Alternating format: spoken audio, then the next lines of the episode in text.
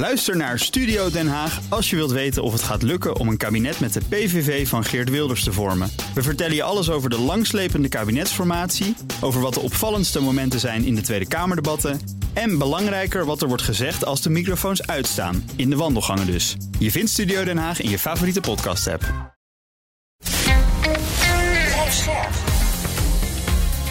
BNR Nieuwsradio. Boekenstein en de Wijk.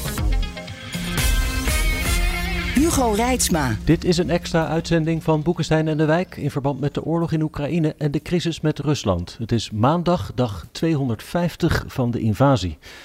Arjan, de situatie op de grond. Ja, we moeten misschien even beginnen wat er dit weekend dan is gebeurd. Hè? Want daar staan nu wat uh, verslagen van in, in de kranten en op andere websites. Er zijn dus uh, het vlaggenschip, de Makarov van de Russen, is dus gisteren en plus twee andere schepen in de haven van, uh, van Sebastopol uh, beschadigd geraakt. Hoeveel weten we niet. En dat is gebeurd met uh, op afstand bestuurde bootjes die er een beetje uitzien als torpedo's. Hmm. En, en die zijn onbemand. Uh, en het blijkt dus dat de Oekraïners bijzonder goed daarin zijn. De Russen beschuldigen dat de Britten daar iets mee van doen hebben, maar die ontkennen aan alle toonaarden. Oekraïne zelf trouwens ook, uh, Arend Jan. En Oekraïne zelf natuurlijk ook. maar het geeft dus maar weer wel aan dat, ja, dat, dat, dat de, de, de, Russen zijn niet veilig op de Krim. Er is zelfs spectaculair beeld van, hè? Van, zo, ja. van zo'n bootje ja. dat je ziet varen en een helikopter ja. die erop probeert te schieten. Ja, het is toch, kijk, ik bedoel, uh, Zelensky kan dit allemaal ontkennen, maar dat doet hij natuurlijk ook om politieke redenen. Maar de kans dat Oekraïne hierachter zit, die is echt heel groot hoor. Zeg maar, alle analisten en ook echt de serieuze analisten uh, van Understanding War en zo, en, en, en, en New York Times en dat soort uh, dat soort bladen die gaan er ook allemaal van uit. Het probleem is natuurlijk dat, dat die leveringen van die, van die onderwaterdrones, of die, zee, die zeedrones zoals ze worden genoemd, dat is een nogal schimmige affaire en ook um, gedeeltelijk geheim. Dus de Amerikanen die willen er eigenlijk ook niks mee te maken hebben en de Britten ook niet. En iedereen die, ehm, die zit er natuurlijk fors te ontkennen, omdat hier systemen zijn gebruikt waarvan ja, toch uh, iedereen eigenlijk zou willen uh, dat ze niet geleverd zouden hoeven worden. Ja. Nou, als, als uh, reactie krijg je dus vandaag dat, of Rusland eigenlijk gisteren al heeft, hebben ze die graandeal opgeschort. Mm. Daar gaan we het zo over hebben. Even wat er vandaag gebeurde. Dat schijnt elke maandag te gebeuren, las ik. Er zijn dus overal weer missile aanvallen gedaan. Hè? Dus raketten vanuit Russische vliegtuigen in het noorden van de Kaspische Zee met de TU-90 en de T-60. Uh, in Kiev, in de Zaporizhia-regio, in de Kharkiv-regio, in Mykolaiv, in Lviv, in Zitomi, in, in, in Kivorad en Tchernivtsi. Dus echt wel, wel tien steden. Hè? Hm. En uh, nou ja, dan lees je al die stukken en dan zeggen de Oekraïners dat ze heel snel dat allemaal weer kunnen repareren. Ik weet niet of dat echt waar is hoor. Ja, volgens mij is dat niet zo. Ik ja. zag een Oekraïns energiebedrijf dat zei dat ze door de reserveonderdelen heen raakten. Ja, dat bedoel ja, ik. Maar ja, dat kan natuurlijk gewoon niet. Op een gegeven moment raak je er doorheen. Dat uh, zie je ook aan de watervoorziening. Als ja. drinkwater echt goed kapot is gemaakt, dan duurt het toch gewoon een tijdje voordat het weer op orde is. Ja, 80% van Kiev zou dus zonder ja. water. En je ziet dus mensen die gaan naar de oude bronnen in de stad. Gelukkig kan dat nog. Ja, maar het mogen toch nog wel even gezegd worden dat dit gewoon oorlogsmisdaden zijn, jongens. Ja. Dit is uh, niet oké okay wat hier uh, gebeurt. Zelfs in een oorlog mag dit niet. Nee, want nee. dit is namelijk, uh, kijk, burgers zijn geen combattanten. Dus die moeten er buiten worden gehouden. En dan kun je altijd wel zeggen, ja, dit is ook om het uh, Oekraïense leger te treffen. Gedeeltelijk zal het ook wel zo zijn. Want die hebben ook elektriciteit en water nodig. Maar dit is zo nadrukkelijk gericht op de burgerbevolking. dat je daarmee gewoon de grens van de oorlogsmisdaden overschrijdt. En eigenlijk waar Rusland naar bezig is, die hoopt dus daarmee nieuwe vluchtelingenstromen op gang te krijgen. Naar ja, onder andere, ja. Ja, ja, maar ook natuurlijk de, de, de, wil om te vechten en om dat verzet uh, overeind te houden. Die moet natuurlijk ook gebroken worden. We zien dus nu feitelijk dat alles van Rusland erop is gericht om het gebied te houden dat ze hebben. En dat lukt tot nu toe redelijk aardig. Maar tegelijkertijd uh, in de richting van Oekraïne een uitputtingsslag uh, te organiseren. Ook dat ook te doen in de richting van het Westen, ja. waardoor de animo om verder te vechten gewoon uh, verdwijnt. Nou, ik ja. denk dat dat niet zo'n hele kansrijke strategie is, voor zover we het nu kunnen bekijken, maar ze doen het wel. En het leidt tot ontzettend veel ellende in de komende winter. Mm -hmm. En nu eigenlijk al. Ja. ja. Dan moeten we naar de graandeel. Daar wil je wat over zeggen, ja. Rob. Nou ja, goed. Uh, kijk, het is natuurlijk zeer opmerkelijk wat daar uh, gebeurd is. En tegelijkertijd ook weer niet opmerkelijk, want we weten dat Rusland al een hele tijd zat te mekkeren over die graandeel. Van uh, ja, we worden helemaal niet veel beter worden en, van. En wij, wij kunnen feitelijk ook onze eigen spullen, ons eigen graan, ons eigen kunstmest kunnen wij niet goed verschepen. Want het, het Westen wil er niet aan meewerken. Ook al heeft de Europese Unie en de Verenigde Staten gezegd. Je kunt dat rustig doen scheepvaartmaatschappijen die zullen dan niet onder het sanctiebeleid vallen.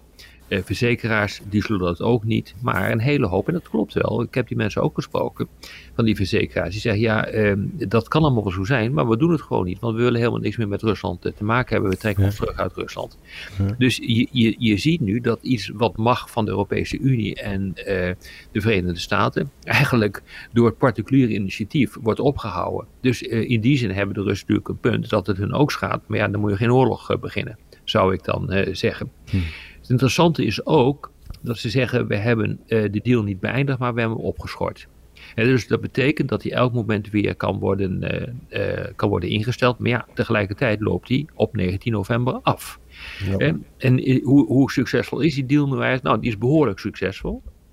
En we weten dat er 790 scheepbewegingen zijn geweest, dus van uh, inkomende uit en uitgaande schepen, om het maar zo uh, te zeggen. Is 9 miljoen ton uh, et cetera, verscheept. Overigens ging het niet alleen maar om graan, maar ook bijvoorbeeld om mais. En het navante hiervan is dat dat vooral naar Europese havens ging uh, en dat gebruikt werd voor diervoeder. Ja, ja, ja. Uh, dus het is helemaal niet zo uh, dat, die, dat dat graan, wat continu werd gezegd, en al dat mais, dat het allemaal in arme landen terecht kwam in, in Afrika.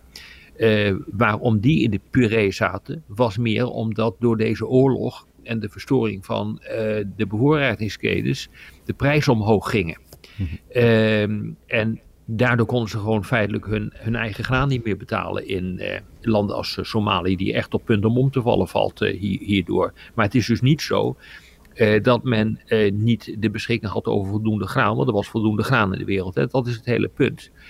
dus wat je dus ook leest vaak in, de, in de kranten, wat je ook vaak in de media hoort, dat klopt dus niet helemaal. Dat door die graandeel er in één, in één klap een enorme stroom graan op gang zal komen naar uh, arme gebieden in de wereld, met name Noord-Afrika. Dat is dus gewoon niet zo. Dat is voor uh, een zeer groot percentage is het allemaal terechtgekomen in Europese havens, waaronder die van Nederland.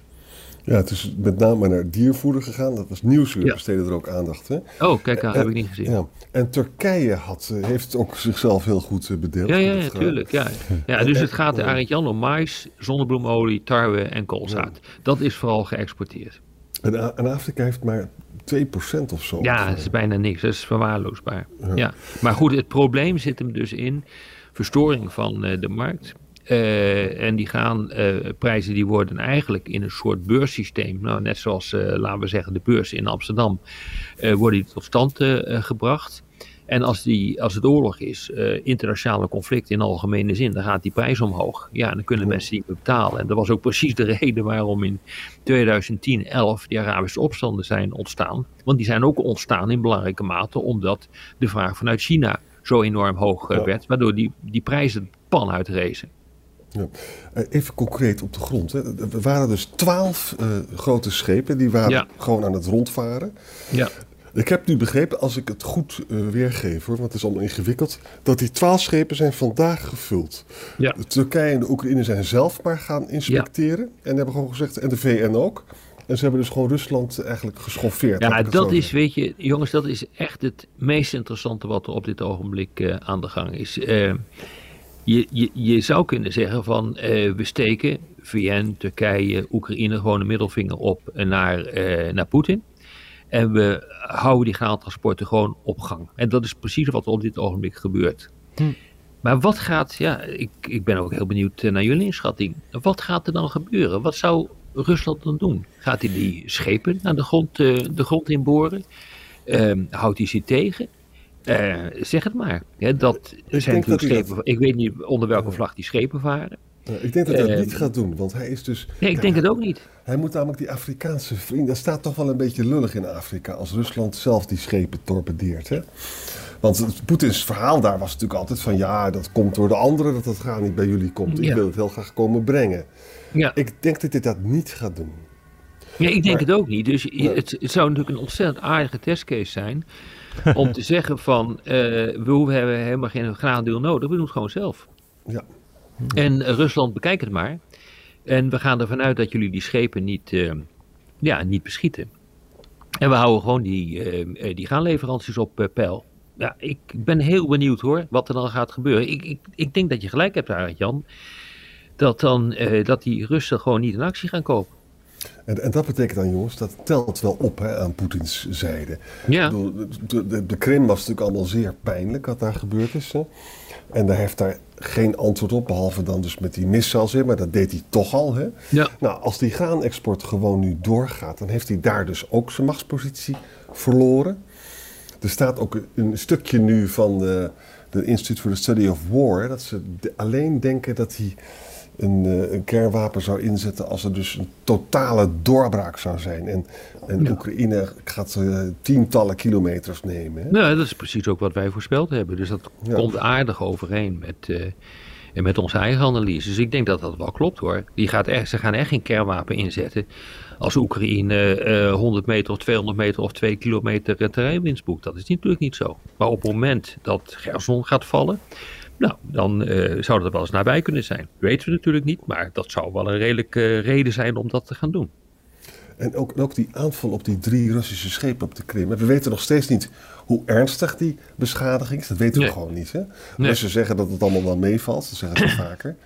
Maar het lijkt wel... Het zijn steeds weer speldenprikken, zou je kunnen zeggen. Er gebeurt wel veel daar op de Krim, hè? Alles bij elkaar. Nou ja, kijk, eh, we hebben het al eens eerder besproken dat er een eh, stuk was van, eh, volgens mij was dat eh, de Oekraïense hoogste militair, eh, eh, de commandant der strijdkrachten zouden wij hem noemen, of de chef defensiestaf, het is maar net hoe je hem zou willen noemen. Eh, en die heeft toen ook uiteengezet eh, dat de Krim het center of gravity is, het zwaartepunt is, waar de strijd zich op concentreert. En in het militaire jargon, als je het zwaartepunt eh, weet te vernietigen, dan eh, breng je de strijd op zich een enorme klap toe. Dat is het meest strategische doel dat je kunt raken. En gezegd moet worden, daar hoort natuurlijk gewoon de Krim bij. Eh, daar liggen wapens opgeslagen, er zijn kazernes, daar ligt de Zwarte Zeevloot, munitievoorraden. Kortom, als je dat weet te vernietigen, dan flikkert de hele zaak op een gegeven moment in elkaar. Ja. En dan nog bericht van de Gerson-regio. Mhm. Er zijn allemaal filmpjes over jongens die met de meest verschrikkelijke ouderwetse wapens moeten vechten. Ja. Eh, dat wordt ook bevestigd door de Britten. Dat is trouwens wel een schande hoor. Ja. En, en, en er vluchten Oekraïners uit de Gerson-regio. Er wordt verschrikkelijk eh, allemaal rakettentoestanden. En die vluchten dus naar Oekraïnse zijde. Mhm. En, eh, nou ja, dus- Nou ja, goed, dat is natuurlijk wel waar we het eerder over hebben gehad. Kijk, die, ehm, eh, het, het leegmaken van eh, de stad Gerson, waar de Russen zo op hameren. Ja, weet je, de Oekraïners die vluchten natuurlijk niet naar Rusland. Ja. Dus op het moment dat de Russen allemaal uit de stad zijn, dan is eigenlijk iedereen die in de stad verblijft een tegenstander en een legitiem doelwit, althans in de ogen van Rusland. Ja, ook berichten die mensen erover dat, dat, de nieuwe Russen die zijn aangekomen heel agressief eh, opereren. Ik begin zo langzamerhand te geloven, als je daar dan als reservist naartoe gaat en je krijgt zo slecht materieel, dan heb je wel een, nog een extra reden om je heel erg te misdragen in dat gebied. Hè? Ja, maar dat maakt ook niet uit. Hoe meer je misdraagt, hoe beter het is voor Rusland.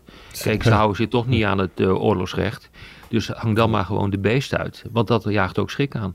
En eh, zo, moet je denk ik nu op dit ogenblik er ook tegen aankijken. Maar wat ik het meest verschrikkelijke vind, is dat die jongens die naartoe worden gestuurd gewoon kanonnenvlees zijn. Meer is het niet. Ja, ze zijn niet goed geoefend. Het is precies wat je zegt. Ze zijn niet goed uitgerust.